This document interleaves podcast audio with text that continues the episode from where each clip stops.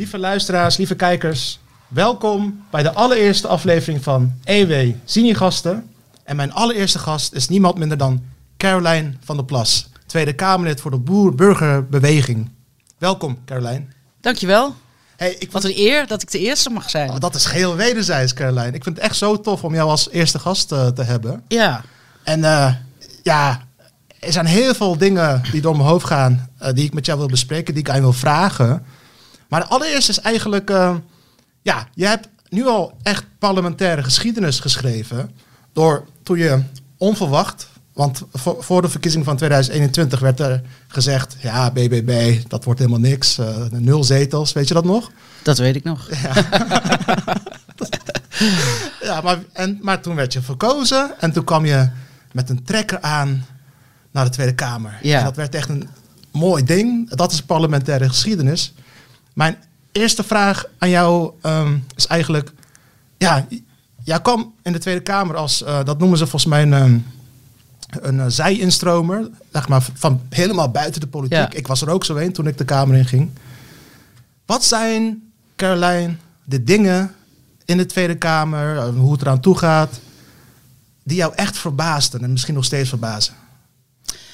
Nou, wat mij nog het meeste verbaast, en dat is tot op de dag van vandaag, dat de vastgeroeste structuren heel erg moeilijk zijn los te frikken. Dat er helemaal geen oog is voor, joh, laten we eens een keer iets praktisch oplossen. Dat het moet allemaal moeilijk. Je hoort de hele tijd kan niet, doen we niet, gaat niet. En dat ik denk, met sommige dingen kun je gewoon heel praktisch iets eh tackelen. En laten we daar in ieder, weet je, laten we er in ieder geval even naar kijken of het kan. Zelfs dat, Dat is echt heel erg moeilijk. Dat vind ik echt bizar dat dat. En dat zit er gewoon in. Dat is er gewoon in al die jaren ingeslopen. En kijk, ik kom natuurlijk als, als nieuwkomer hè, zonder bagage. Ik heb geen opleidingen gehad binnen een fractie.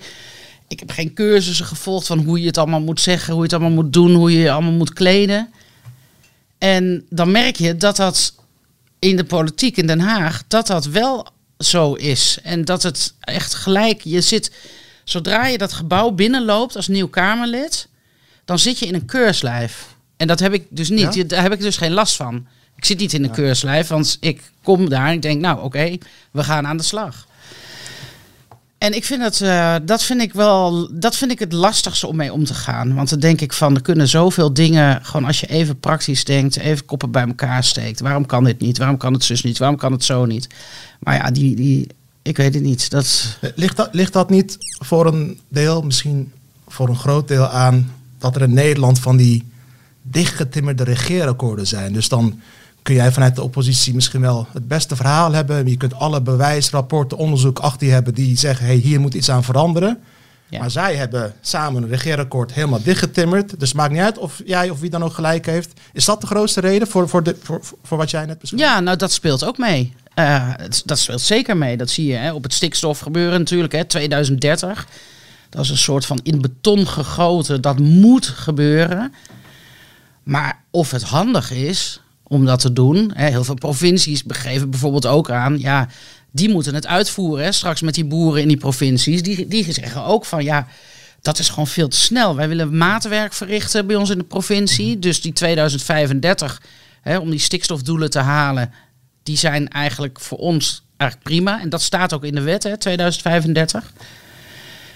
En er wordt niet geluisterd, het staat in het regeerakkoord. Dus het moet, het moet, het moet gebeuren, want het staat er. Het is fascinerend. Dus toen ik in de Tweede Kamer zat, toen begon het voor het eerst een beetje. Een goede vriend van mij, eh, eh, SP-Kamerlid Frank Futselaar, die kreeg in 2017 stikstof als soort van nou, eh, backbencher onderwerp. Wat, waar je hebt bijna nooit een debat over stikstof, dacht, dacht men. Maar toen werd het opeens groot. Maar toen heb ik van hem geleerd dat in, in al die jaren daarvoor vanuit de oppositie werd gewaarschuwd. Van, hè, jullie laten het nu allemaal gaan en straks wordt het een groot probleem. Maar ook toen werd er ook helemaal niet naar geluisterd. Ehm, maar wat ik me wel afvraag, ehm, Caroline, is... ehm, ik, ik herken echt wat je zegt. Het is allemaal dichtgetimmerd. eh maakt niet uit hoeveel gelijk je hebt of, of wat dan ook. Eh, Ja. zou je dan zeggen dat het debat in de Tweede Kamer nog zin heeft? Als, in ieder geval als het gaat om dingen veranderen. Ja, kijk, een debat heeft altijd zin, vind ik. Ehm, kijk, ik hoor heel vaak van mensen van, joh, loop gewoon die kamer uit. En ga gewoon geen debat meer voeren, want je komt er toch niet tussen. Wat, maar wat, denk, Baudet doet bijvoorbeeld, die, doet dat al, die, die zegt altijd, heeft geen zin, ik kom niet meer. ja, precies. Of die, die kiezen dan alleen nog uit wat ze, waar ze echt wat punten mee kunnen scoren voor een achterban.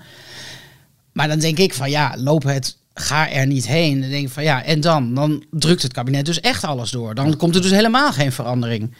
Ja. Eh, nou, een voorbeeld is bijvoorbeeld hè, 2G, eh, weet je nog, corona. Oh ja, wat was dat ook weer? 2G, 2G. want je had 3G en 1G Ja. en 5G. Wat, wat, Ja. wat, wat, 2G, Leg eens uit. ja, 2G was dus dat, eh, dat je alleen nog maar naar een café of de bioscoop zou kunnen. Als je ehm, eh, gevaccineerd was of Oh ja. genezen. Ja. Dus niet meer als je getest was. Ja, is dat was echt verschrikkelijk. Als dat was doorgegaan, het was verschrikkelijk geweest.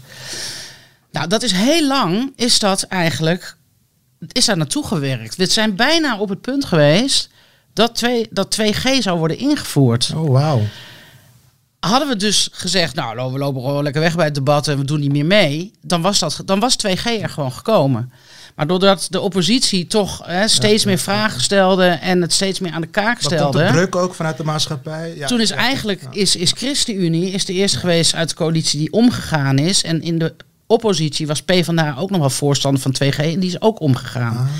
Nou, dat is een voorbeeld van, ja, heeft het nog wel zin? Ja, het heeft zin. Je moet alleen in de politiek, en dat zal jij waarschijnlijk eh, kunnen beamen, je moet een hele lange adem hebben. Als je ongeduldig bent, snelle, last snelle slagen wil maken Ik had daar best wel last van. Dan, eh, dan is de Je moet een echte lange adem eh, hebben. En, je gewoon, en niet gefrustreerd en boos worden. Dat is eh, gewoon doorgaan. Gewoon doorgaan. Ooit Maar, komt het wel. maar dat is ook van, en daarom vind ik jou echt heel interessant, Caroline. Want, ehm, ehm, ja, weet je wel, oké. Wat er nu ook gebeurt, en dat zeg ik niet, het is een vrije pers, dus eh, daar sta ik echt achter. Maar nu staat de boer-burgerbeweging en jij staan echt onder een vergrootglas. Met name in de, laten we zeggen, de progressieve of linkse pers. Van elke, alles wat je zegt of doet, die antecedenten moet helemaal uitgepluist worden.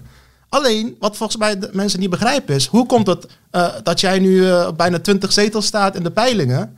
Volgens mij wat jij net zegt, je, je bent onbevangen, je bent gewoon authentiek. Je zegt wat je Ja. denkt, eh, ni- niet die Haagse, hoe, zei dat nou, de molen? ja, Haagse Morris en de Haagse... En dat snappen ze maar niet, hè? De, het politieke midden Nee. in Nederland loopt een beetje af. Nee. Ze hebben nog steeds niet door wat er aan de hand is in de samenleving. Echt niet. Nee, echt serieus. En ik heb het in 2019 in een interview met Eén Vandaag al gezegd. Zat ik nog niet eens in de Kamer, hè. Waren we net opgericht. Bij Eén Vandaag, ik heb het toen al gezegd. De, de oude politiek denkt dat het nog steeds 1980, 1990 is. Hè, in de samenleving. Mensen stemmen traditioneel, de gevestigde partijen. Maar die tijd die is voorbij. Ja, echt, hè? er komt, nou ja, toen zag je aanloop van de verkiezingen ruimte voor nieuwe partijen. Vier nieuwe partijen zijn in de Kamer gekomen. Dat is echt een teken aan de wand. Dan denk ik, bij, als je gevestigde partij bent, moet je wel denken van jeetje, vier nieuwe partijen. Dat zegt wat over de samenleving. Mensen zijn aan het zoeken. Mensen zijn niet meer traditioneel PvdA-stemmer of traditioneel CDA of VVD-stemmer. En, ehm, en nu zien ze dat dus nog steeds niet. Want kijk, toen ik in de Tweede Kamer kwam, toen merkte ik wel dat er wel een beetje zo naar mij gekeken werd van, ach, dat, dat vrouwtje, weet je wel, die, Ja. die wil ook wat. Jij was echt dead then. Ik weet het nog. De, Ja. eerste, de eerste debatten, er werd echt neergekeken. ja, zeker. En je zei er ook wat van. heel Ja, ja, tuurlijk. Ik denk, ze moeten wel gelijk eh, weten met wie ze te maken hebben. je, kan maar duidelijk zijn. Ehm, en, maar er werd er nog een soort van lollig naar gekeken, weet je wel. Van, oh god, die gaat hier ook wat proberen. Nou, en dan zien ze dat je het ook nog serieus doet. En dat je ook nog wel met eh, goede voorstellen komt. Dat ik bij heel veel debatten aanwezig ben. Eh, dan stijg je een beetje in de peilingen. Nou, eerst gaat dat van, van één zetel naar twee of naar drie of naar vier. Nou, dat is dan ook nog wel haha. Maar ja, nu wordt dat steeds meer. En het, en het stopt ook niet, hè? Nee. Ehm, dat is. Maar, en nog.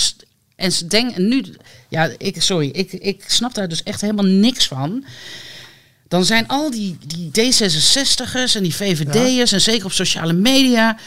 Die zijn allemaal aan het proberen van. eh, ja, en eh, ze is van Big Agro. Oh, ze is een Ja. lobbyist. Oh, oh, ze heeft bij een vleesblad gewerkt. Oh, zie je wel. Dan denk ik, besteed je als je nou net zoveel aandacht zou besteden aan de samenleving en de problemen als aan mij, dan zou er misschien nog eens een keer iets veranderen. Maar ik denk, ja, ja, ze zijn toch wel een beetje bang Het, nu. het interessante is van hoe meer dat gebeurt, hoe meer jij stijgt in de peiling. Dus ik vind dat je hen eigenlijk Ja. moet bedanken dat ze steeds. dat ze, Ja. Ah, bijvoorbeeld, ik zou één voorbeeld geven. Je hebt, je hebt een eh, rood zakdoekje om Ja. je ehm, pols. Klopt. En gisteren was je bij, eh, of gisteren, eh, ja, je was bij Buitenhof. We weten niet wanneer dit wordt uitgezonden. Ja. Je was bij Buitenhof met een D66-Kamerlid. En wat mij opviel was, ik heb gekeken, die, die zei tegen jou...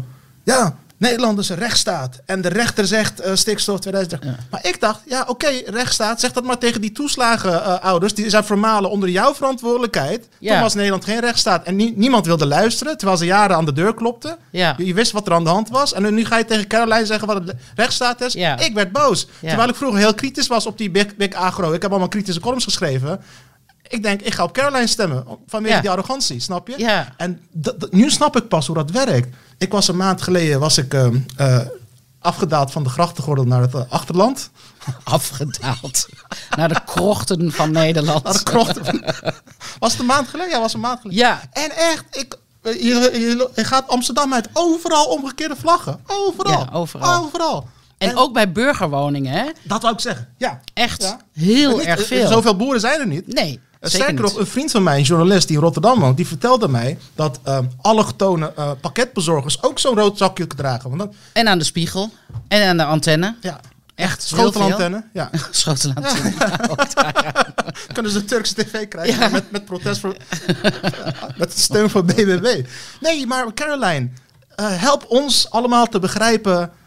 Wat gebeurt hier? Jij bent, eh, zo lijkt het tenminste, in staat om eh, diep gewortelde, laten we het resentiment noemen, terechte boosheid van heel veel mensen in het land, eh, middenklasse, MKB, platteland, eh, allochtonen zelfs, om die te kanaliseren. Dat, dat, je, Ja. ja. je, hebt, je hebt een soort van goudader geraakt bijna, om het even zo te zeggen. Ja, dat klinkt, vind ik wel een beetje hoogdravend eh, klinken. Maar ehm, ja, goed, dat Of- laat ik aan, aan jou om dus te zeggen. Dat zal ik zelf niet zeggen. Wat ik wel zie, is, nou kijk, bijvoorbeeld ehm, die gevestigde, hè, de oude politiek. Die heeft het ook al jaren over van, ah ja, weet je, dat volk, hè, het volk, het is onderbuikpraat. Oh, dat is verjaardagspraat. Hè. Dat heb ik zelfs, eh, is mij ook wel eens verweten, voorafgaand aan de verkiezingen in een, in een debat eh, met iemand. Echt waar, ja? Van ja, weet je, mevrouw van der Plas die verkondigt alleen maar verjaardagspraat. Dat is dus precies de fout. Ja, maar dat is dus precies de fout die ze maken. Want die verjaardagspraat, dat is, zijn onderwerpen die mensen thuis bezighouden. In het, ja, je kan het heel denigerend verjaardagspraat noemen. Maar dat is waar mensen het over hebben. Over die kleine dingen. En misschien ook wel de grote dingen. Ehm, maar over de, echt de dingen die die mensen thuis zelf raken. hun- In hun Ja. eigen leven mee te maken hebben. En als je dat afdoet als verjaardagspraat. En zo wordt er in Den Haag gedacht. Dat ben ik van overtuigd. Niet bij iedereen. Maar wel bij een aantal. Van ach ja, weet je. Die mensen in het land. Hè, we- hè, nou ja, Kaag zei het al. Wie zijn die mensen? Ja, wie, nee, maar dat is echt wel tekenend. En dat is wat ze niet zien. Dat, is, dat, dat zit er nog steeds in. En ze denken nog steeds, ja, maar wij weten het. Hè, en dat zullen wij allemaal regelen. Allemaal van bovenaf opgelegd. En ik heb dat niet, weet je. Ik benoem die problemen. Hè. Ik benoem inderdaad ook gewoon eh, eh, de buurtbus hè, die niet eh, rijdt. Of het zwembad wat dicht gaat. Of het, ja, gewoon de voorzieningen die ophouden te bestaan. En dat willen mensen. Want die denken van ja, weet je, dat is gewoon waar wij mee te maken hebben. En nou ja, goed. En ik zeg het in normale taal. Ja. Ja, ik heb, praat niet in het Haagse jargon. Ik draai er ook niet omheen. En dat is wat mensen aanspreekt. En wat ik zelf vaak terughoor van mensen, is dat ze zeggen van... Ik herken mezelf, ik kan, ja, ik herken mezelf in jou. Ja. Want Ja. zo zou ik het ook willen zeggen. Alleen ik kan het niet. Weet je, ik vind het knap dat je dat doet en ik kan het niet. En nou, ja, jij verwoordt precies zoals wij erover denken. En dan wat je dan krijgt, is dat de gevestigde orde, hè, die gaat dat, oh, populist, weet je wel. Op, Ja, dat, dat, op, op Twitter word ik dan populientje genoemd. Ja, daar hebben ze ook iets uitgevonden. Ze hebben ook een woord Maar gevonden. vind, vind, vind je dat niet interessant? Dat tegenwoordig bij het establishment in Nederland, want ik her- herken dat, het woord populist is een scheldwoord. Is een Maar- scheldwoord. maar- maar- wat, wat betekent populist? Het is een Latijns woord. Het, staat, het zit al in de, eh, in, Ja. in de kern van het woord staat. Ja. Rekening houden met de gevoelens van, Van het volk. Het volk.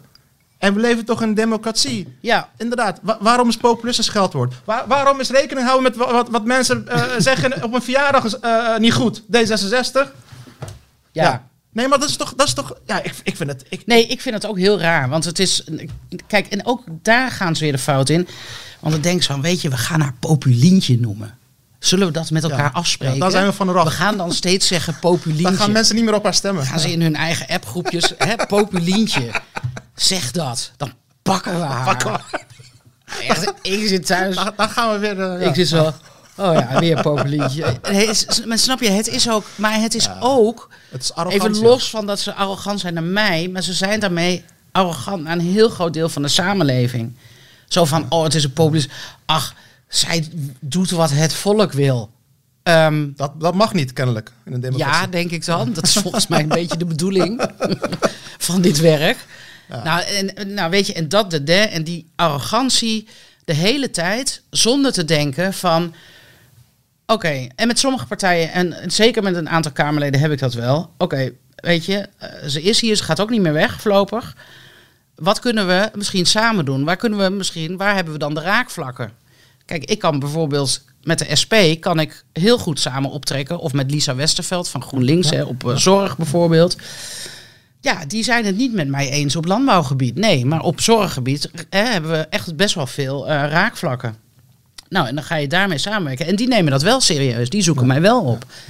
Maar ja, de grotere partijen, hè, eh, dan zeker op landbouwgebied, CDA en, eh, en VVD met name.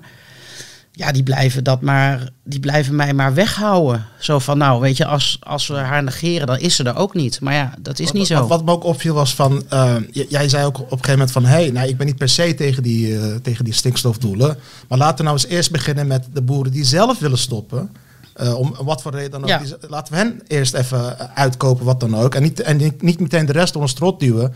Zelfs daar, gaan- ze gaan er helemaal niet op in. Of nou, ze gaan niet eens uitleggen waarom dat een goed of slecht argument is. Dat, dat herken ik. Maar eh, je, je had het er net al over. Dat dat vind ik ook echt belangrijk om, eh, ja, om te laten zien ik denk wat, wat jou en jouw partij ook echt interessant maakt, is misschien nog meer dan eerdere eh, partijen die eh, het populistische opkwamen. De BBB is echt een brede partij, ook qua standpunten. Ja, zeker. Echt, het, je hebt een uitgebreid verkiezingsprogramma. Ja, Ehm, je, je noemde net een, al een aantal punten. Ehm, eh, wat, wat is bijvoorbeeld het standpunt van de boer-burgerbeweging over zorg? Ook een heel groot probleem bij heel veel mensen hoor. Ja. Mensen lopen echt tegen problemen aan met uh, überhaupt kunnen betalen van de, van de zorg. Ja.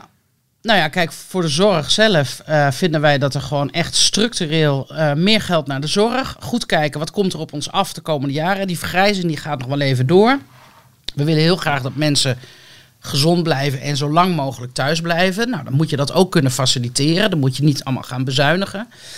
Ehm, en de zorg zal, ja, dat zal gewoon een hele grote eh kostenpost eh, worden. En dan moet je gewoon nu al zeggen, daar moeten we echt eh, ja, geld voor vrijmaken. Ja, ja. En, niet, en niet wachten tot het laatste moment. En dan als het weer crisis is, proberen labmiddel te vinden.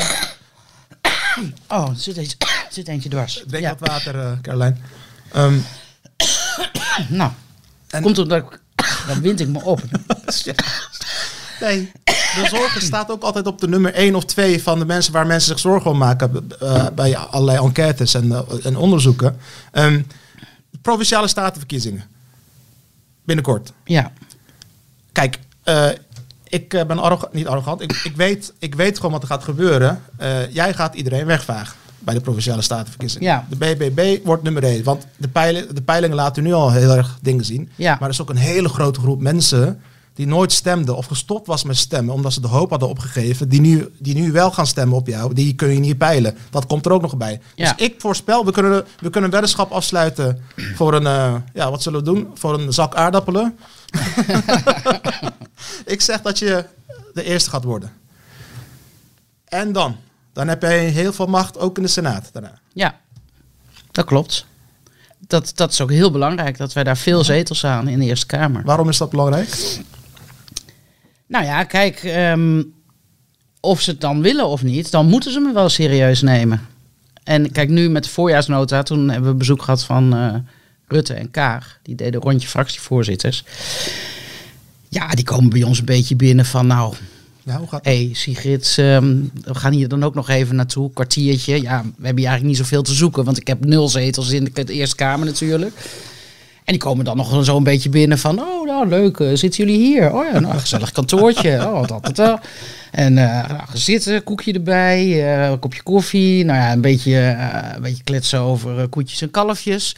Niet echt hè, gelijk to the point van, jongens, wat willen jullie? Ja, dat werd voor de forum werd dat nog gevraagd van, goh, hoe zien jullie dat? Wat willen jullie dan een beetje? En voor de rest was het meer een soort van beleefdheidsbezoekje. Maar volgend jaar wordt dat natuurlijk wel even anders.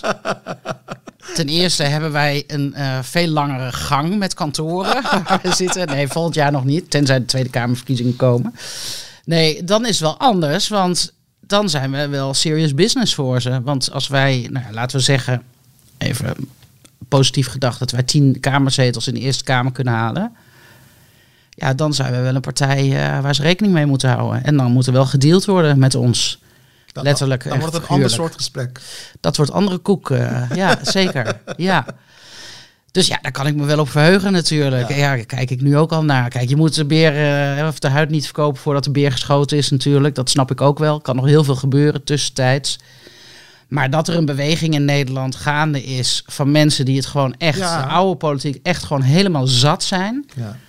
Uh, en gewoon behoefte hebben aan gezond verstand, nuchter geluid. Weet je, gewoon met een heldere blik kijken naar dingen. Uh, ja, dat is evident. Dat en, gaat niet meer weg. En authenticiteit, want ja, tenzij ik me echt vergis, ik volg jou op de voet en ik heb je nooit betrapt op een van tevoren uitgebreid geprepareerde one-liners en zo. Het komt allemaal uit je tenen, ja. en, toch? Ja. ja. Nee, dat klopt. Mensen denken dat ik een heel marketingteam heb die het allemaal voor me bedenkt. Dat kan niet, anders had je maar, zo gesproken. Nee, nou ik zal je sterker vertellen. Ik heb wel eens gewoon één minuut voordat ik het debat in moet. Uh, dan streep ik nog dingen weg in mijn tekst en dan schrijf ik gewoon met pen nog eventjes. Denk van, oh nee, nee, dit ga ik zeggen. En dan zeg ik eigenlijk iets anders dan wat ik eigenlijk had uh, voorbereid. Nee, dus dat is wel grappig. Hoe mensen daarnaar kijken, weet je wel. Van gisteren ook, er zei iemand op, op Twitter die zei van... ja, ik vind het toch wel ik vind het toch wel knap hoe. Nee, die zei van uh, ja, had de landelijke PvdA ook maar uh, hè, de, de goede, wat betere media-adviseurs. Want ik vind het wel knap hoe Lientje dat doet. dus ik nee, ik heb geen media-adviseurs. dat is het hele punt. Dat, ik heb ze niet. Dat, dat, mensen snakken naar authentieke ja. politiek. Ja. Dat, dat, hele ge, uh, geprepareerde media, geprepareerde verhaal is voorbij. Dat soort politiek willen mensen niet meer. Al die gelikte filmpjes ja, en die muziekjes eronder. En, en, ook, weet je, ook in dit debat, is, mensen haken af. Ze, hebben, ze, ze, vertrouwen het niet meer. Ze nee. willen iets authentieks horen. Ja. En dat snappen ze ook nog steeds niet. Nee, en dat willen mensen al heel lang. Alleen nu zien ze in BBB een partij van... hé, hey, maar die, die doet dat. En hè, dat konden ze eigenlijk nooit ergens vinden. En dan stem je toch maar weer traditioneel. Of je stemt niet. Ja. Ja. Dat is ook wel heel bijzonder. Dat in de peilingen van... Um, ik meen dat het INO Research, Research was... Uh, de laatste peiling deed bij uh, één Vandaag... waar wij op 15 zetels uitkwamen. Van die 15 zetels zijn er uh, vier van mensen die niet gestemd hebben de vorige keer. Precies, ja. Of al een tijd niet meer stemmen. Ja. Van niet-stemmers. Ja, dat is heel bijzonder. Dat is heel bijzonder. Want dat zijn mensen die gaan straks weer naar de stembus. Daar ben ik heel erg trots op. Hè? Dat, dat meen ik echt serieus. Want dat is ook wat ik zei. Voordat ik de Kamer inkwam. Wat, ja, zei wat wil je bereiken? Toen zei ik van, ik wil dat mensen weer vertrouwen krijgen in de politiek. En als je dan je. ziet in een peiling dat er vier zetels van de 15 gepeilde zetels komen van niet-stemmers. Daar ben ik echt heel erg blij om. Want ik vind het gewoon heel erg belangrijk dat mensen gaan stemmen. En dat ze weer ja. toch weer een beetje hoop krijgen hè, in, in de ja, politiek. Echt, hè? Echt. Ja. Dat, dat, dat, verloren hoop over democratie, dat is eigenlijk een heel ernstig uh, iets. Ja. Um, uh, voordat ik mijn volgende vraag uh, stel. Dit doet, dit doet me ook denken aan. Er was een. Uh, iemand is vijf, zes jaar geleden gepromoveerd aan de Universiteit van Amsterdam. Hij heet Wouter Schakel. Is gewoon een nuchtere gewoon een witte, nuchtere man, geen activist of wat dan ook. Nee. Die heeft gewoon heel feitelijk onderzocht. En ik vat het even in mijn eigen woorden samen. Het zijn eigenlijk schokkende bevindingen, Caroline. Uh, niemand deed er wat mee. En hij, zijn conclusie was, promotieonderzoek. In Nederland uh, worden de belangen van de allerrijkste uh, groep mensen die niet stemmen, behartigd door de politiek. En de belangen en de wensen van de grootste groep aan de middenkant, onderkant, die wel stemmen, niet. Dus Nee. zelfs als je stemt en je bent Ja. niet een eh, eh, rijk iemand of een multinational, worden jouw wensen geen werkelijkheid in politiek. En Ja. dat is een enorm probleem, had, zei hij Ja. toen. Ik heb niemand erop kunnen betrappen dat ze er iets mee deden. In de Nee. media niet. Volgens mij was het alleen Martin Bosma die er iets over zei in de Tweede Kamer. Ja, Ehm, dus ja, het verbaast me niks dat iemand als jij die- die verloren hoop weer kan mobiliseren. Ja. Tot slot, Caroline. nu al? Nee, ik, ik heb nog alle tijd. Oh, Oh, dan gaan we lekker gezellig door. Ja, nee, ik heb echt zoveel dingen die ik wil vragen. Ja. Maar ja, ehm, jij, gaat, jij gaat ook nog, ehm, ja, als ik het zo mag zeggen, de eerste vrouwelijke minister-president van Nederland worden. Ehm, ja, dat weet ik wel zeker. Wat is het allereerste dat jij gaat veranderen, wat je echt anders gaat doen? nou, Geen torentjes overleggen. nee, nee, nee. Het overleg. Torentjes overleggen gaan we niet doen, toch? Moet allemaal open en transparant. Ja, nou ja, toevallig heb ik daar vanochtend ook over zitten nadenken. Van hoe, stel dat ik in een kabinet zou komen, heb ik nou niet eens over dat ik minister-president zou worden. Want ja, dat is ook nog wel even een brug te ver eh, voor mij. Ehm Kabinet Populintje 1. Het populietje 1, die zou leuk zijn. Ja. Nee, maar goed, stel, oké, stel dat wij in een kabinet eh, zouden komen. Hoe zou ik dat, dat doen hè, met dat torentjesoverleg? Heb ik, toen ik in de auto hier naartoe kwam, heb ik daarover nagedacht. Ik dacht van, zou dat voor mij een breekpunt zijn om wel of niet in een kabinet te gaan? Dus denk ik van, ja, ik denk wel dat dat een, ik denk wel dat ik daar heel veel inzet op zou plegen. Dat we dat anders gaan inrichten. Ook met de ministerraad. Hè. Er werd ook eh, om gevraagd een tijdje geleden door Pieter Omzicht. Die wilde daar ook notulen van hebben. Eh, dat werd toegezegd. ehm, dat de notulen uit de ministerraad vrijgegeven zouden worden. Wat doen ze de, vo- de volgende keer? Ze maken gewoon geen notulen meer. Wauw. Nee, maar zo, zo, zo, zo wandelen de paarden daar. Dat is toch heftig? Ja, dat vind ik heel heftig, ja. Dus er worden gewoon geen Dus- notulen meer Dus gemaakt. dan kun je ze ook niet vrijgeven. kunnen ze het ook niet meer dat ze vrijgeven. denken? Nee, en nu van- zeggen ze van... ja, maar wat in de ministerraad wordt besproken... dat zeggen we verder niet. My god. Nee, dat is, ja, ik vind dat dus heel erg. Dus daar zou ik wel verandering eh, in willen brengen. Kijk, ik, ik, ik snap dat er sommige dingen gewoon vertrouwelijk moeten zijn. Dat heb je in een, in een gezin ook, in een familie ook, in een vriendengroep ook. Ehm, dus dat begrijp ik. Maar dat moet niet het uitgangspunt zijn. Het uitgangspunt moet niet zijn, we bespreken hier alles en we zeggen naar buiten niks. Dat is nu het uitgangspunt. Het uitgangspunt moet zijn, we overleggen hier dingen en we brengen alles naar buiten. Tenzij, en dan gaan we even goed kijken, wat is echt, weet je, staatsgeheim kan bijvoorbeeld zijn. Hè? Of dat je echt puur op personen gaat, over Nationale gaat hebben. veiligheid. Wat ja. Nationale veiligheid, weet je. Dat, moet het, dat zou ik heel graag willen veranderen. Ehm, als ik minister-president zou worden, ehm, dan zou ik in mijn allereerste toespraak zeggen... ik zou eerst excuses aanbieden voor alle puin die eh, geruimd moet worden. Dan zou ik zeggen... Dat heb jij ehm, toen niet gedaan? nee, nee. maar goed. eh, ja. Politieke verantwoordelijkheid. Ja, Politieke ja. verantwoordelijkheid. Dan zou ik ehm, tegen het Nederlandse volk, het volk, nee, tegen, tegen de Nederlandse burgers willen, eh, zou ik willen vragen van, lieve mensen, geef mij even een jaar de tijd, of, of een half jaar, of een jaar de tijd, om eerst eens even schoon schip te maken en puin te ruimen. Ik wil weten op welke ministeries gebeurt er wat? Wat is er aan de hand? Waarom lukken dingen niet? Waarom kan die aardbevingsschade niet worden uitbetaald? Waarom is die watersnoodramp nog steeds niet? Waarom zijn die kinderen allemaal nog niet thuis? Geef mij daar, geef mij even de kans, hè, de tijd om dat uit te vinden. En dan ga ik zo snel mogelijk in ieder geval een aantal dingen oplossen. Hè, die je gewoon snel kunt oplossen. Zoals? Ehm, nou, ik denk de aardbevingsschade. Dat is, dat is volgens mij iets wat je gewoon heel snel kan eh, uitbetalen. Dat, is, dat hoeft niet eh, zo te zijn. Want nu worden weer allemaal adviesbureaus, nog meer adviesbureaus eh, ingesteld. Dan denk ik, ja, die adviesbureaus die geven advies aan mensen om dus de schade uitgekeerd te krijgen. Die geven advies over het systeem. Ja. Maar waarom maken we het systeem niet makkelijker?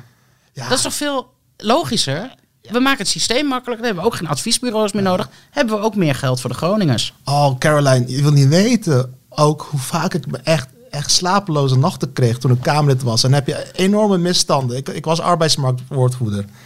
Wat bleek door de bezuinigingen op de inspectie sociale zaken. Eh, was het aantal ongelukken op de werkvloer. Gewoon van mensen die gewoon op, eh, in een fabriek werken, wat dan ook, die door een ongeluk eh, hun been kwijtraken. Omdat er gewoon geen toezicht is. En dan kom je met allemaal rapporten, onderzoeken aan. En dan dichtgetimmerd, gebeurt er niks. En dan komen ze later zelf met een overlegorgaan, met een tafel. Met En dan ben je jaren verder, heb je allemaal papierwerk. Ja, Daar heb ik me echt zo Echt. over aan geërgerd. Dat dat, echt niet normaal. is, dat, is dat polderen? Wat is dit voor? voor? Dat, is toch, daarmee, dat is toch geen besturen meer? Nee, dat is inderdaad polderen. Van ja, weet je, dat moeten we allemaal wel even doen. En dan leg het onder in een la. En dan, ja, wat en de weet. mensen waar het om gaat, dat is gewoon... Dat, Ja. maakt, maakt dus helemaal niks uit. Kevin. Nee, maakt, eh, nee, dat idee krijg je in ieder geval wel. Dus ehm, ja, weet je, er is heel veel, heel veel op te lossen. En ik denk als je daar gewoon echt met een, gewoon met een stofkam eens doorheen Ja. gaat, dat je heel veel ballast kan weghalen. En eerlijk gezegd denk ik ook dat mensen die op ministeries werken daar ook blij mee zouden zijn. Dat die ook zouden Ja. denken van, hè, hè, eindelijk. De, de gewone ambtenaren. Nu mag ik gewoon echt doen waar ik voor ben aangenomen. En wat ik ook zou doen, ik zou, eh, want het wordt wel gezegd dat het wordt gedaan, maar dat wordt niet gedaan. Voordat we beleid gaan maken en uitvoeren, gaan we eerst heel goed onderzoeken wat voor effecten en gevolgen dat beleid zal Oh hebben. ja, dat gebeurt nu ook niet, hè? Dat gaan we achteraf pas bekijken. Ja. Zo, oh, dat was niet zo'n goed idee. Moet, eh, moeten we eigenlijk anders doen. Dus eerst, dat moet eerst eh, gebeuren. En altijd, vakmanschap moet leidend zijn. Bij elk nieuw beleid worden echte vakmensen betrokken. Dus echte mensen van de werkvloer. Met de poten in de klei. Stel dat we dit en dat gaan doen. Wat betekent dat voor jou hè, in jouw vak? En dat kunnen mensen zijn van ondernemend Nederland. Maar dat kan ook de timmerman zijn. Of de boer zijn. Hè, of de verpleger, verpleegkundige zijn. Die moeten, gaan, die moeten ons gaan vertellen hoe het moet. Nou, dat is een heel goed idee. Want nu, Dat zou wat je nu eh, krijgt is, eh, dan gaan ze alleen maar naar de zorgeconomen lu- luisteren en niet naar Ja. de verpleger bijvoorbeeld. Nee, Ja. Precies. Ja, die de luisteren wel. Dan gaan ze een keer een jaar Ja. een keer op werkbezoek en dan zeggen ze: Oh ja, ja, nee, dat is inderdaad heel vervelend dat hij hiermee te maken heeft. Ja, jee, wat een administratie. Eh, ja, daar gaan we wel wat aan doen. Dan gaan ze weer weg en dan gebeurt er vervolgens weer niks. Ma- mag ik, mag ik eh, nog wat vragen? Want eh, zodra je minister-president bent, Caroline, ehm, heb ik wel één, één, één advies voor, over hoe je die trap van bovenaf kunt schoonvegen. Ehm, een van de grootste problemen in Nederland, waar bijna niemand het over heeft, is de algemene bestuursdienst. Eh, in de jaren 90, eh, het kabinet Kok had besloten dat Nederland een bedrijf is, de BV Nederland. Eh, dus ook alle openbaar bestuur en de ministeries moesten als een bedrijf gerund worden. Wat, wat ze toen hebben gedaan is, ze hebben de Algemene Bestuursdienst opge- opgericht. Dat is een soort van pool aan mensen die als algemene managers zijn opgeleid. Dus ze kunnen ook in de pindakaasfabriek werken, maakt niet uit. Uit die pool, de ABD heet dat, worden de topambtenaren gehaald. Dus dan heb je iemand uit de ABD die misschien eh, als achtergrond iets anders heeft. Die gaat dan topambtenaar worden bij eh, VWS, bij zorg. Ja, Je mag er maar maximaal drie jaar zitten, want anders krijg je te veel binding. ja. Met Zorg vooral niet Ja. dat je binding krijgt met iets. En, dan naar een ander ministerie. Dus wat gebeurt er dan? Dan heb je dus allemaal eh, ja, losgezongen Ja. spreadsheet managers die helemaal geen binding hebben met het vak. Vroeger wa- was je een arts of verpleger die werd topambtenaar bij VWS bijvoorbeeld. Bij onderwijs hetzelfde, bij al die ministeries. Klopt. Dus die top van die ministeries wordt bestuurd door managers die eigenlijk in een pindakaasfabriek eh, misschien iets kunnen managen. Ja, Maar die- dat, ik, ik denk echt dat dat misschien de grootste oorzaak is voor al die problemen ook waar we tegenaan lopen. Zeker. Los van beleid. ben ik van overtuigd. Afschaffen die weg ermee. Ja, ik sprak toevallig eh, een tijdje geleden sprak ik ehm, eh, iemand uit de zorg. Ehm, de, dat is de voorzitter van de branchevereniging van spoedeisende hulpartsen. Ehm, nou, ik had met hem een gesprek omdat ze die spoedposten, ook op het platteland, dat willen ze allemaal centreren. En dus dat gaat betekenen dat er veel spoedposten gewoon dicht moeten. Nou, lang verhaal kort. Eh, met hem had ik een heel gesprek. Ehm, hij zegt, weet je, ik loop gigantisch op tegen muren. Want ik vroeg aan hem, ik zeg, maar praat je dan ook met VWS? En wat zeggen ze dan bij VWS, hè, het ministerie voor Volksgezondheid? Hij zegt, ik loop gewoon echt tegen betonnen muren op. Hij zegt, degene met wie ik te maken heb, de topambtenaar Ja. bij VWS...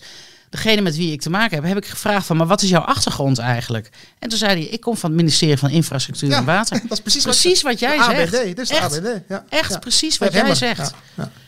En ja, Want het, het dan- idee, waar praat je dan tegen? maar dat is het punt. En dat is de kok, kokkie, kokkies die er schuldig gaan, maar de rest deed eraan mee. Het idee dat eh, eh, alles, eh, je kunt alles eh, runnen als een bedrijf, ma- marktwerkend bedrijf. Dus je hoeft helemaal geen inhoudelijke kennis te hebben van zorg Nee. of van onderwijs, maar jij gaat wel daar de boel leiden. Dat idee is echt zo hardnekkig. Ja. En dat, al die, ja, ik, ik word nu wel boos als ik erover nadenk. Ja, dat kan me Want heel de mensen zijn er slachtoffer van uiteindelijk. Ja. Nou ja, dat, dat moet dus veranderen. Dat bedoel ik ook een beetje met dat puinruimen. En met alle respect voor die mensen die die banen hebben. Want dat zijn ongetwijfeld kundige mensen. En eh, met een goed karakter, daar ga ik altijd maar van uit. Maar niet kundig op dit ministerie. Hè? Dus daar moet je ook gewoon goed naar kijken, denk ik. Van ja, dat je gewoon eigenlijk elke dag afvraagt: oké, wat zijn we nou precies aan het doen? Ja. En, en ik vind dat ehm, Rutte. Die heeft gewoon, die is geen leider meer, weet je. Wij missen ook een leider in het land. Kijk, je kon van Kok zeggen wat je wou, van Balkenende of van Lubbers. Ik het mee eens zijn of niet mee eens zijn, maar dat waren, dat waren wel leiders in het land. Hè? Dat waren wel, en dat heeft Rutte heeft dat gewoon joh. niet, maar zeker niet meer. En dat, ehm, daar hebben we ook gewoon heel erg behoefte aan. Maar goed, of ik dan die persoon, geschikte Nou. persoon ben, dat weet ik niet. Maar we moeten wel een leider krijgen weer. Nou ja, niks persoonlijks tegen de persoon Mark Rutte. Maar ik herken wat je zegt. Eh, Een van de meest memorabele momenten toen ik van mijn Kamerlidmaatschap was. Een van de allereerste debatten dat Rutte in de problemen kwam. Hij, hij komt elk jaar in de problemen. ik weet niet meer, of was het nou Hawia of was het nou de... Dividend. Die, volgens mij was het dividend. En hij stond daar en ik zit in de plenaire zaal, weet je wel. En ik heb hier naartoe geleefd. En ik vind het allemaal spannend. Ja. Ik zag- vroeger zag ik de premier op tv en hier gebeurt het allemaal. En voor het eerst zat ik echt in een debat. En het debat duurt heel lang. En op een gegeven moment zei hij letterlijk, ja, dat, die beroemde woorden. Ik heb daar geen actieve herinnering aan. Dus ik zit daar zo. Weet je Ja. wel, je bent finished, je bent klaar. Als je dit zegt, als, je, als, je, als, als een kleuter dat tegen je zegt, Ja. komt hij niet meer weg. Maar hij kwam ermee weg. Ja. Hij kwam ermee weg. Ja. En hij zegt ook, hij zegt de hele tijd in interviews, moet je maar teruglezen. Ik ben over niemand de baas. Ja. Ik heb geen visie, daar ben ik trots op. Als je visie wil, eh, moet je een, eh, een stofzuiger kopen. Ja. Of, of nee, moet je naar de oogarts, zei hij. Als je Oh ja. garantie wil, moet je een stofzuiger kopen.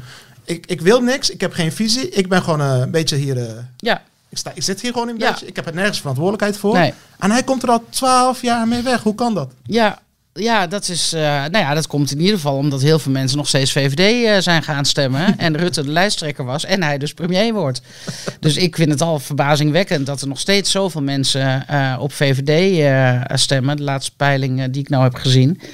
Ja, staat VVD weliswaar op fors verlies, maar toch nog op 21 zetels.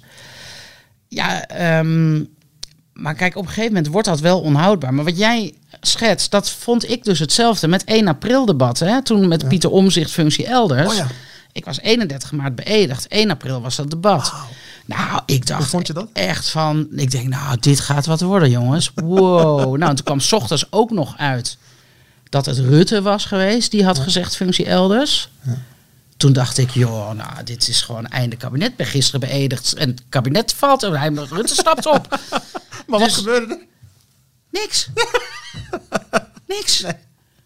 Echt waar. Ik heb, nou, ik heb met, in, in het begin iedereen bam, bam, bam erop. Weet je, en Wilders. En eh, ja, je liegt. En eh, je neus gaat van hier tot Tokio. En bla, bla, bla. En iedereen op. En Sigrid Kaag, hier scheiden ons Oh ja, tegen. En we stoppen. En, nou, iedereen. Ik denk, wow, jongens. En het debat duurde, heeft 14 uur geduurd, hè, het debat. En het debat duurde en duurde en duurde. En de stemming werd uiteindelijk wat lolliger. En Rutte zat weer, want hij zat daar natuurlijk nog steeds als, als fractievoorzitter, lijsttrekker. Want het was natuurlijk dismissionair, dus hij werd niet als minister-president ondervraagd, maar als fractievoorzitter. Dus hij zat op zijn stoeltje in de Kamer. En hij zat alweer een beetje op zijn telefoon te spelen. En een beetje achterom te kijken, een beetje lachen. En een beetje dit en een beetje dat. En toen dacht ik, wat, eh, wat is hier aan de Dat is hand? Ik weet nog dat ik op een gegeven moment, volgens mij rond half één s'nachts, naar de interruptiemicrofoon ben gelopen. Het ging over, ineens ook over heel andere dingen allemaal. Dat ik naar de interruptiemicrofoon ben gelopen. Dat ik zei, voorzitter, we zijn hier volgens mij vanmorgen gekomen met een reden. En ik constateer dat iedereen alweer een beetje lollig aan het worden is. En dat we het over heel andere dingen aan het hebben hier. Ik zeg maar, zouden we misschien weer terug kunnen gaan naar het onderwerp waar het over ging? Nou ja, toen werd er een soort van ingegrepen. En weet je wat ik toen dacht? Toen dacht ik, tijd is zijn vriend. Tijd is zijn vriend. Hoe langer een debat duurt, is, is alleen maar beter voor hem. Want mensen die worden moe en die denken van, nou ja, pff, ik heb er ook helemaal geen zin meer in. Zitten er niet meer zo scherp in als het eerste uur. Dus zo'n debat zou je eigenlijk moeten zeggen van zo'n debat hè, waar iemand echt in de problemen is, een kabinetslid, die gaan we drie uur doen. En in die drie uur gaan we aftikken. Ja, ja, ja, ja. En dan zit iedereen er goed scherp in. En dan heb je ook nog een beetje de tijd om heen en weer te debatteren. Want het duurt zo lang. Tijd is zijn vriend. Hij, hij is heel goed in mensen plat lullen. Hè? Hoe, lang, Ja. hoe langer het duurt. Hoe langer het duurt, hoe beter het voor hem is. Dat is. eh, En, en, en, dan, en dan ook nog van, dat, dat, deed hij, dat deed hij afgelopen eh, vrijdag ook. ehm, dan stel je een vraag. En er was een goede journalist van Hart van Nederland. Die, die, eh, Die Merel, hè? Nee, die, andere. Die oh, die jongen. Sam. Merel Sam. Sam. Ja, maar die zijn beide goed. Beide zijn ze ja, goed. zijn talenten hoor. En Sam was een, de eerste keer dat een, een journalist echt lukte. En dan wil ik andere journalisten niet afvallen. Allemaal Ja. collega's van mij. Zijn allemaal goed. Maar Sam was extra goed. Want wat deed hij? Want hij ging weer vintage Rutte, wat hij ook in de Kamer doet. Ja. Dan stel je een vraag en dan geeft hij antwoord niet op jouw vraag. Dan gaat hij in die papieren werkelijkheid zitten Ja. met allemaal ambtelijke woorden. En dan denk je, oh, dit zijn wel ingewikkelde dingen. Ik weet niet wat dat woord betekent. Precies. Laat ik maar mijn mond houden. Ja. Maar wat deed Sam? Nee, nee, hij zei, ja, met andere woorden, cut the bullshit. Dit is mijn vraag, geef Ja. antwoord. En toen kwam je in de problemen. Ja. Toch? Ja. Een beetje. Zeker, Ja. zeker. En dat moet je hebben. Hè. Kijk, en dat zijn, ik vind het wel leuk hoor. Want die Sam en Merel, dat zijn jonge mensen, weet je, jonge honden. Die zitten ook niet in een, in een, in een keurslijf van hè, bijvoorbeeld een eh, nou ja, oude gevestigde media. Hè. De Hart van Nederland heeft toch wat meer vrijheid om eh, ja, toch een beetje de, de Ze Pietje zijn ook populistisch. ja, een beetje de Pietje Bels eh, van, de, van, de, van, de, van de media. Dus dat vind ik wel leuk. En ik, zie ook wel, ik vind het ook wel leuk hoe zich dat ontwikkelt. Maar dat was dus ook wat er gebeurde toen ik in Buitenhof zat met Tjeerd Groot. Dat was ook precies hetzelfde. Want Twan Huis die vroeg hem gewoon een hele Ja. concrete vraag. Wat gaat het kabinet doen als VVD, ChristenUnie, CDA zeggen van nou die 2030 is niet meer heilig voor de stikstofdoelen. Wat gaat u dan doen? Heeft hij vijf, vier, vijf keer moeten vragen. En dan komt er een heel wollig verhaal over natuur en klimaat en weet ik veel wat. Gaat helemaal niet om. Maar dat is een beetje hoe het. eh, Maar nu hierover begint, dit kabinet moet toch vallen. Want eh, eh, aan de ene kant, mede dankzij jou trouwens, maar ook dankzij al het protest in het land, kunnen ehm, CDA VVD in ieder geval, en ChristenUnie ook in zekere mate, echt niet meer vasthouden aan dat strakke een steen gegoten. Even los van mijn persoonlijk standpunt Ja. hoor, maar dit is gewoon even de politieke situatie. ja, da- daar moet wat beweging komen. Als D66 daarin meegaat, zijn ze finished bij de volgende verkiezingen. Dan is GroenLinks en PvdA weer. ja, zeker. Dus wat- je hebt echt een padstelling nu. Maar hoe gaan ze hier, zich hieruit redden? Dat ja, ze zijn hier niet eh, in te redden. En dat is gewoon echt eigen schuld, dikke bult. Ja. Want jullie hebben alles in beton gegoten. En jullie hebben niet de ruimte gelaten van, nou weet je, dit is ons streven, maar we kijken. Hè, bijvoorbeeld ook met die stikstofdoelen halen. D66 zit heel erg vast op dat de veestapel moet gehalveerd worden, of in ieder geval gereduceerd worden. Ja, daar hebben ze zo'n mantra van gemaakt dat ze daar eigenlijk niet meer van af kunnen. En hun achterban wil, wil, dat, wil dat ook. die wil dat, Ja, die is daar ja, helemaal ja. mee, mee ge- opgevoed. En tegelijkertijd, dit, eh, hier kan alleen maar een kabinetscrisis uit, uitkomen. Maar tegelijkertijd hebben ze allemaal, behalve de ChristenUnie, hebben ze allemaal geen belang bij vervroegde verkiezingen. Want dan eh, gaat Ja. Dus wat gaat, wat, hoe, hoe gaat dit verder? Ja, ik, ik vind het ook heel spannend en interessant. Ehm, ja, ik denk dat toch op een gegeven moment toch iemand de stekker uit het kabinet gaat trekken. Maar dan kan het natuurlijk ook nog zijn dat het kabinet gewoon verder gaat als minderheidskabinet. Hè? Ja. Van ja, weet je, nu gaat het land weer stil liggen en dan is het demotionair. Ehm, maar kijk, eh, kijk, wat ik ernstig vind, even los van alle crisissen die er zijn en zijn gekomen en nog erger zijn geworden. Wat ik heel ernstig vind, is dat het kabinet gewoon elkaar niet meer vertrouwt. Dat er een slechte werksfeer is. Dat er gewoon een onveilige hè, werksituatie is, zoals iemand ook eh, had aangegeven. Ehm, en dat vind ik gewoon heel slecht voor het land. Je moet een kabinet hebben wat gewoon elkaar steunt en voor elkaar gaat. Dat is hoe je een land kan leiden. En niet zo. Ja, ja. Hè, als je twee ouders hebt die alleen maar ruzie maken, dan kun je er donder op zeggen dat die kinderen ongelukkig worden en dat het in het gezin niet goed gaat. En zo kijk ik ook naar het kabinet. Ja, ja nee, eens. Want eh, ook, die actie van, eh, ook die actie van Hoekstra, het, het, het verbaasde mij niks. Ik dacht al, waarom wacht je zo lang? Want het CDA is eh, helemaal, helemaal weg anders. Alleen, het is too little, too late, wat je zegt. En dan, die, rea- die reacties waren ook van, het ging dan niet om de inhoud. Eh, de reacties waren van, van de andere ministers en zo van, eh, ja, hou niet aan de afspraken. Dat is, Ja. ja. maar het ga- gaat niet om jouw afspraken. Het gaat om het belang van het land en de mensen. En waarom, Ja. waarom gebeuren de dingen? Waarom eh, zijn mensen het zat? Ja, ik Ja. hoop echt, ik hoop echt dat, eh, eh, eh, dat de Nederlandse politiek in, in algemene zin wat populistischer wordt. Als ik het zo mag zeggen. ja tuurlijk. Realistisch, populistisch. Dat is gewoon, dat is prima. ja. En dan gaan, gaan de mensen, sorry, dan gaan de mensen misschien ook weer elkaar vertrouwen. Ja. En komt er wat rust in het land. Ja. En mensen, dat, ik zeg het de hele tijd en het klinkt als een cliché. Mensen willen gehoord en gezien worden en serieus genomen worden. Dat is, mensen vragen niet veel. Ze vragen niet tonnen salaris of eh, weet ik veel wat. Mensen vragen gewoon. Ze willen gewoon een inkomen hebben. Ze willen gewoon een biertje kunnen drinken op het terras. Ze willen een keer kunnen uiteten. Ze willen een keer op vakantie kunnen. Ze Dat willen rust in hun leven. En als er problemen zijn, dingen gaan niet goed, willen ze gehoord, gezien en serieus genomen. In plaats van met deden benaderd worden. Oh, dat is verjaardagspraat. Verjaardagspraat. Oh, je bent een tokkie. Ja. Oh, je bent een racist. En Je dat bent- soort dingen. Ja, Ja. ja. Het, ik, ik- weet je wat, ik zal jou ook zeggen, uh, Caroline, ik ben meer boer dan jij. Ik ben geboren op het Turkse platteland. ja. En mijn opa was een eh, geiten, eh, geitenhoeder. Dat was voor zijn postdoc culturele antropologie. Nee, nee. En wat mensen ook niet weten is, tot mijn eh, negende ben ik op het Brabantse platteland opgegroeid. In Heusden. ja. Vlakbij Wollik, Waalwijk. Daar had je vroeger een fabriek van Jonker Fris, bl- blikvoedsel. Daar Oh ja. werkte mijn vader. En nou ja, dus ik heb ook echt wel feeling met het platteland en Ja. zo. En precies wat je zegt, als mensen op het platteland, eh, of ik noem het even het hartland, dat is mijn term. Ja, voor- dat, eh, vind ik een he- dat, vind ik, dat vond ik een hele goeie voor jou. Het Hartland. Dank u wel. Dat, dat vond ik echt, want dat heb je in Amerika ook, hè? East Coast, West Ja. Coast. En dan heb je de Heartlands Ja. ertussen. Dat, is vond ik een hele goede vondst. Thanks. Ja, In het volgende verkiezingsprogramma mag je het overnemen. Van ja oké, dankjewel. Nee, maar in het hartland. In het hartland. ja, In, ik ben oud genoeg om het te herinneren. In de jaren 80, begin jaren 90 had je overal een busverbinding. Maakt niet uit hoe klein het dorp was. Nee. Of, eh, en eh, je kon overal komen als je slechte been was of eh, geen geld had voor een auto.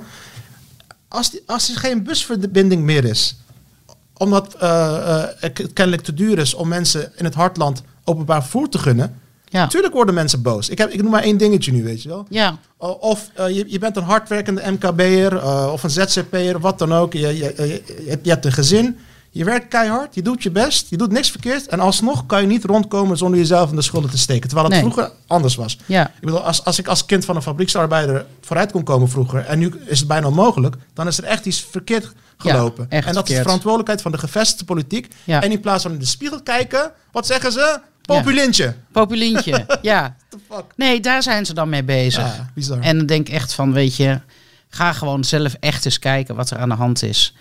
En, eh, en met die bussen ook, ja, dan denk ik van, volgens mij waren bussen vroeger, in mijn tijd, oma vertelt, maar in de jaren zeventig in ieder geval, volgens mij waren buschauffeurs ook gewoon in dienst bij de provincie. Ja, was de provinciale, de Gelderse vervoersmaatschappij had je dan. Klopt. We waren En, ambtenaren eigenlijk. en dat Ja, waren eigenlijk ambtenaren. Ja, weet je, we kunnen klagen over ambtenaren. Maar eh, deze ambtenaren die zorgden wel dat de bus eh, b- bleef rijden. En toen is het allemaal geprivatiseerd. En het moest allemaal marktwerking. Zie je in de zorg ook. Nou, weet je, het is gewoon ellende. Ehm, met die marktwerking denk ik ook van, weet je, waarom laten we het oude ziekenfonds niet gewoon weer terugkeren? En als je boven een bepaald bedrag verdient, dat je dan particulier moet verzekeren. En al het andere komt gewoon in, in, in het ziekenfonds. Je- ja, het is misschien een beetje zo van, oh, vroeger was alles beter. Nou, jawel, maar misschien echt moeten we wel even terugkijken van, wat, wat was er Mijn- wel beter? Ik mis de strippenkaart zelfs. Ik maak geen Ja. grap. Vroeger waren heel veel dingen echt wel beter in Nederland. Juist in Nederland. Ja, Ik bedoel, eh, ja, je, noemt, je noemt net de zorg. Ja, sorry, ik, ik ben geen communist, Carla. Ja, ben ik wel. Nee, ik ben geen communist. maar eh, ik, ik, ik wil niet dat de overheid onze biertjes gaat tappen. Weet je wel? Ik Nee. wil in, de, in de vrije markt Ja. mo- moeten wij samen naar Zeker. cafés kunnen Dat gaan. vind ik ook. Kijken welke biertje het lekkerste is voor de beste prijs. ja. Maar Caroline, wie gaat er nou vier verschillende appendix-operaties uitproberen om te kijken welke de beste is voor de beste prijs? Nee. Dus je, je, je bent ook geen patiënt meer tegenwoordig. Je bent een zorgconsument. Zo Ja. word je genoemd hè, op Ja. de websites en Ja. zo. Zorg is toch geen product? Het is Nee. toch geen pakje boter nee, of zo? dat bedoel ik. Ja. Ja. Nee, ik ben ook zeker geen communist. Ik ben ook heel erg voor eh, marktwerking. Maar je moet wel kijken als het gaat om de zorg voor mensen. En dat zijn een aantal dingen misschien. Dat is en de zorg eh, en de energie eh, wellicht. En de mobiliteit, hè, de bereikbaarheid. Dat zijn wel een paar dingen waarvan je kan afvragen van... Joh, laten we eens even kijken wat daar toen goed aan was. En misschien, ja, misschien moeten we daar toch weer een beetje naar terug. Ik snap het. Nu snap ik het echt. Caroline, jij bent de reïncarnatie van Joop den Hel. Wat is het echt? Joop het is oude sociaaldemocratie was dit. Ja, nou ja, ik ben op dat eh, gebied. Mensen denken, of denken, mensen zeggen dat ik in de extreemrechtse fasciste bruinhemdenhoek eh zit. Maar in mijn hart ben ik, eh, ben ik best wel een socialist. Als, Maar als jij premier Ik ben, wordt, ik ben een rechtse socialist. Wij noemen, nee, ja, ik, BBB noem ik ook sociaal rechts. Ja. Dus wij zijn wel, hè, we zitten natuurlijk wel op de rechterflank, maar op bepaalde gebieden ehm, vind Maar ik. ja, Ja. wat is dan rechts? Ik weet het niet. Als, als, als dit een verzorgingsstaat rechts is, ben ik ook rechts. Weet je? Ja, ja. ja, rechts volgens de oude. oude Nou, je bent ehm, populistisch en dat mag niet. Dan ben je Nee. fout. Eh, om toch voor de zekerheid, als jij premier wordt, hè, als jij de baas bent, mag ik blijven toch in Nederland? Of, Ja, tuurlijk mag jij blijven. Ja. Jij wel. nee, dat is dat mensen. Dat, dat is een grapje. Grap- oh, nou, humor is nu begint het, hè? Nu begint ga ik dit knippen en dan... ja. Nee, natuurlijk. Iedereen eh, die hier gewoon zijn plek heeft in Nederland en eh, daar op een goede manier eh, mee omgaat, die mag natuurlijk gewoon blijven. Ik, weet je, ik vind die discussie is ook zo gepolariseerd van ja, als je vindt dat sommige mensen niet in Nederland thuis horen, ben je ook een racist. Maar ja, ik vraag mij gewoon oprecht af. Ja, als die jonge knulletjes eh, eh, die hier rondlopen en die hier niks hebben, geen toekomst hebben. Ehm, wat willen ze hier gaan doen? Denk van ga dan naar je eigen land en ga daar je land opbouwen. Hè?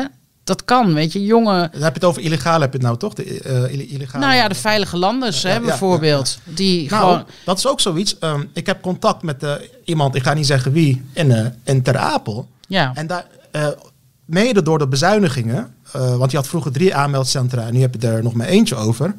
Wat daar nu gebeurd is, dus je hebt inderdaad die veilige landers voor de, voor de mensen thuis. Dat zijn geen vluchtelingen, echte vluchtelingen. Nee. In de technische zin van het woord. Meestal jonge mannen, ja, gelukzoekers, prima, hoe je Ja. het ook wil noemen. En in Ter Apel heb je ook echte vluchtelingen. Dat zijn met name gezinnen. ja, En wat er daar gebeurd is, die, die veilige landers, die eh, bedreigen de gezinnen, de echte vluchtelingen, met kapmessen en alles. Zelfs daar willen ze die veilige landers nee, niet hebben. zeker niet. Nee, En, maar, en- maar nu ga ik even links generaliseren. Ik ben heel links, maar links eh, gaat dat onderscheid, wil dat onderscheid niet maken. Dus- Ja, maar die zijn bang om ook voor racist uitgemaakt te worden. Terwijl je moet gewoon kijken naar wat er dan, wat er dan exact gebeurt. Ja. Ehm, Als, als echte asielzoekers zelf last hebben van veilige Natuurlijk, landers... dan- die mensen dan- moet je juist wel Precies, helpen. ja. En weet je, en die mensen, eh, de gezinnen uit, uit echte oorlogsgebieden. Nederlanders willen die mensen echt wel helpen. Ik spreek zoveel mensen ook in dorpen. Ook een aantal jaren geleden werkte ik nog voor regionale kranten. Met had je ook natuurlijk asielzoekersproblematiek. Schreef ik wel eens over. Dan zag je heel vaak dat mensen in een asielzoekerscentrum vrijwilliger waren. Hè, of gewoon mensen hielpen met bijvoorbeeld administratie of wat dan ook. Daar is er helemaal geen sprake van. Natuurlijk, het is een heel klein groepje die gewoon racistisch is. En eh, moet het, hè, de- de- dat zijn niet die mensen. Het grootste deel van mensen, dat zie je met de Oekraïners ook. Weet je, heel Nederland stelde de deuren open om die mensen te helpen. Maar heel veel mensen zijn gewoon bang, omdat ze ook beelden zien van die, nou ja, van die rellen of die diefstallen. Ze horen natuurlijk heel veel verhalen. En denk van, haal die rotte appels er nou uit. Want die verpesten het echt ook voor die asielzoekersgezinnen. Die echte vluchtelingen verpesten het ook voor. En haal die eruit en stuur die terug. En, en zorg ervoor, dan weet je, dan zeg maar een verdrag op met een land. Hè, tref het land maar. Zorg er maar voor dat de uitkering niet meer betaald worden. eh, voor mensen die daar dan in, Ne- daar wonen en hier nog recht hebben op een uitkering. Dan gaat de burger daar, zal wel in opstand komen tegen hun eigen regering. Van ja, hoor eens even. Doordat jullie deze mensen niet terugnemen, raak ik mijn uitkering kwijt. Dan komt de opstand van binnenuit. Ja, maar op de een of andere manier. Maar nu wordt er gezegd van ja, maar ze willen ze niet terugnemen. Ja. Dat is het enige wat je hoort. Ze willen ze niet terugnemen. Nee, maar doe daar wat aan. ja. Doe er wat aan dat ze ze wel terugnemen. En, en, en het ernstige is, ik, ik ontdekte eh, onlangs pas dat Tubber- Tubbergen bijvoorbeeld, waar het die over gaat, dat ze al jarenlang vluchtelingen opnemen. Zonder, Heel lang. zonder problemen. Ja. En heel veel Oekraïners zijn daar ook opgenomen. Ook, en daarvoor ook nog. En van mijn vorige, een na vorige column ging ik er wat research over doen. En ik wilde opschrijven eh, dat wij, wat wij hier in de grachtgordel niet begrijpen is, je kunt wel boos worden omdat die mensen in, in Al- Alberg is het eigenlijk, ja, eh, niet eh 300 vluchtelingen willen. Toen had ik het berekend. In Tubbergen wonen, eh, in Alberg wonen 3600 mensen. En als je daar 300 eh, in één keer, in één klap, 300 mensen, eh, jonge mannen Ja. eh, neerzet, dan heb je in één keer 10% demografieverandering. Wou ik opschrijven. Maar wat bleek nou? Eh, Pieter Omtzigt had dat gevonden. Het is niet Albergen, het is een eh, buurtschap naast Albergen waar 300 mensen wonen. Ja. Dus Ja. je doet in één keer 100% van de bevolking Ja. erbij. ja. Toen heb ik in mijn column gezet. Als jij hier in Amsterdam in één keer, in één klap, 880.000 jonge mannen neerzet in één klap demografie, dan gaan al die bakviesgrachten voor de linkse mensen ook in opstand komen. Tuurlijk. Weet je? En dat wordt maar niet beseft. Als ze een windmolen in de achtertuin eh, krijgen, dan raken ze al helemaal in de stress. Ja, laat staan. eh, Dus uh, wees con- consistent en kijk niet meer op mensen die legitieme zorgen hebben. En dat onderscheid moeten we echt wel maken. Ben ik helemaal met je eens. Je hebt echt een linkser verhaal dan je denkt. ja, Caroline. ja, misschien wel. Ja. Ja. Ja, daarom, eh, maar goed, links, rechts, dat is ook een beetje allemaal oud. eh, ja, ook, is ook oud denken. Dus, ehm, Ja. nou ja, goed. Ik, wij denken, nou ja, ik denk, wij doen gewoon wat, wat we denken dat goed is. En ehm, vooral met gewoon nuchter verstand, gewoon naar dingen kijken. En ehm, ja, Heel goed, Caroline. meer kan ik niet doen op dit moment. Nee, je doet het heel goed. Eh, Ja. Echt, dit was mijn allerlaatste vraag. Caroline, wat voor hobby's heb je? Wat doe je in vrije tijd? Wat doe je om los te raken van de kamerwerk en zo? En zit je op yoga, weet ik veel? Nee, nee, nee, nee. Eh, ja, gus, weet je, dat klinkt eh, weer een beetje als een cliché. Ik heb gewoon heel weinig tijd voor hobby's. ik ben al lang blij als ik gewoon lekker in Deventer ben, lekker in mijn tuintje kan zitten, wijntje kan inschenken en een beetje gewoon dom voor me uitkijken, zeg maar. ja, dat is, ja, dat is goed, ja. En ehm, ja, wat ik leuk vind is om dan gewoon series te kijken of eh, ik ben nu de laatste Wat is je tijd favoriete serie? serie? Eh, mijn favoriete serie. ehm, Boer zoekt vrouw. Nee, nee, nee, nee. nee. Ehm, eh, mijn favoriete serie. Ja, ik heb er een paar, moet ik zeggen. Ik vond Modern Family altijd heel Oh, erg ja. leuk. Ja, ik ook. Family Guy vind ik heel erg leuk. Echt waar? Kan ik echt leuk. van genieten. South Park vind ik hartstikke leuk. Wauw. Dat zijn Eh. allemaal randstedelijke, elite, iro- ironische elite eh, cartoons. Ja, nou, ik weet niet of het elite kan. Dus ik denk soms wel eens bij die humor. Ja, dat eh, kan niet meer, hè? kan dat nog wel? Ehm, en wat ik nu de laatste tijd heb gedaan is... eh, ik heb alle seizoenen van meester Frank Visser eh, teruggekeken. Ja, ja, ja, maar weet je wat het is?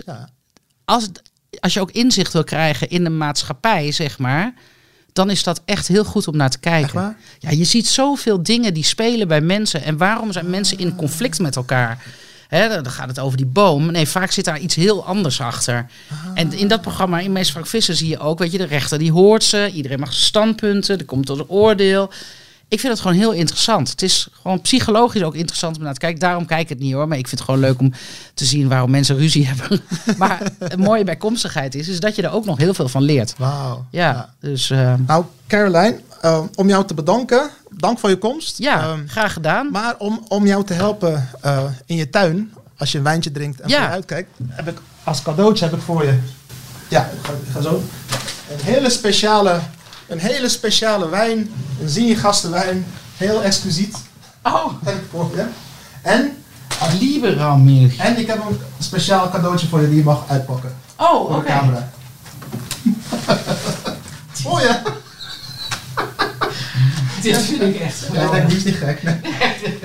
Voor de foto Dat kun je ophangen zo. Ja. Ja, dat vind ik hartstikke Het is geen narcisme hoor. Het, het lijkt gaat zo. op mijn kantoor. Ja, ja, ja. Gaan mensen vragen waarom heb jij een foto van Cindy? Ja. Het was echt Hey, leuk. Dat was echt ja, leuk. echt. Dankjewel man. Hebt wel. Ja, en heel veel succes met je, Thanks. met je podcast.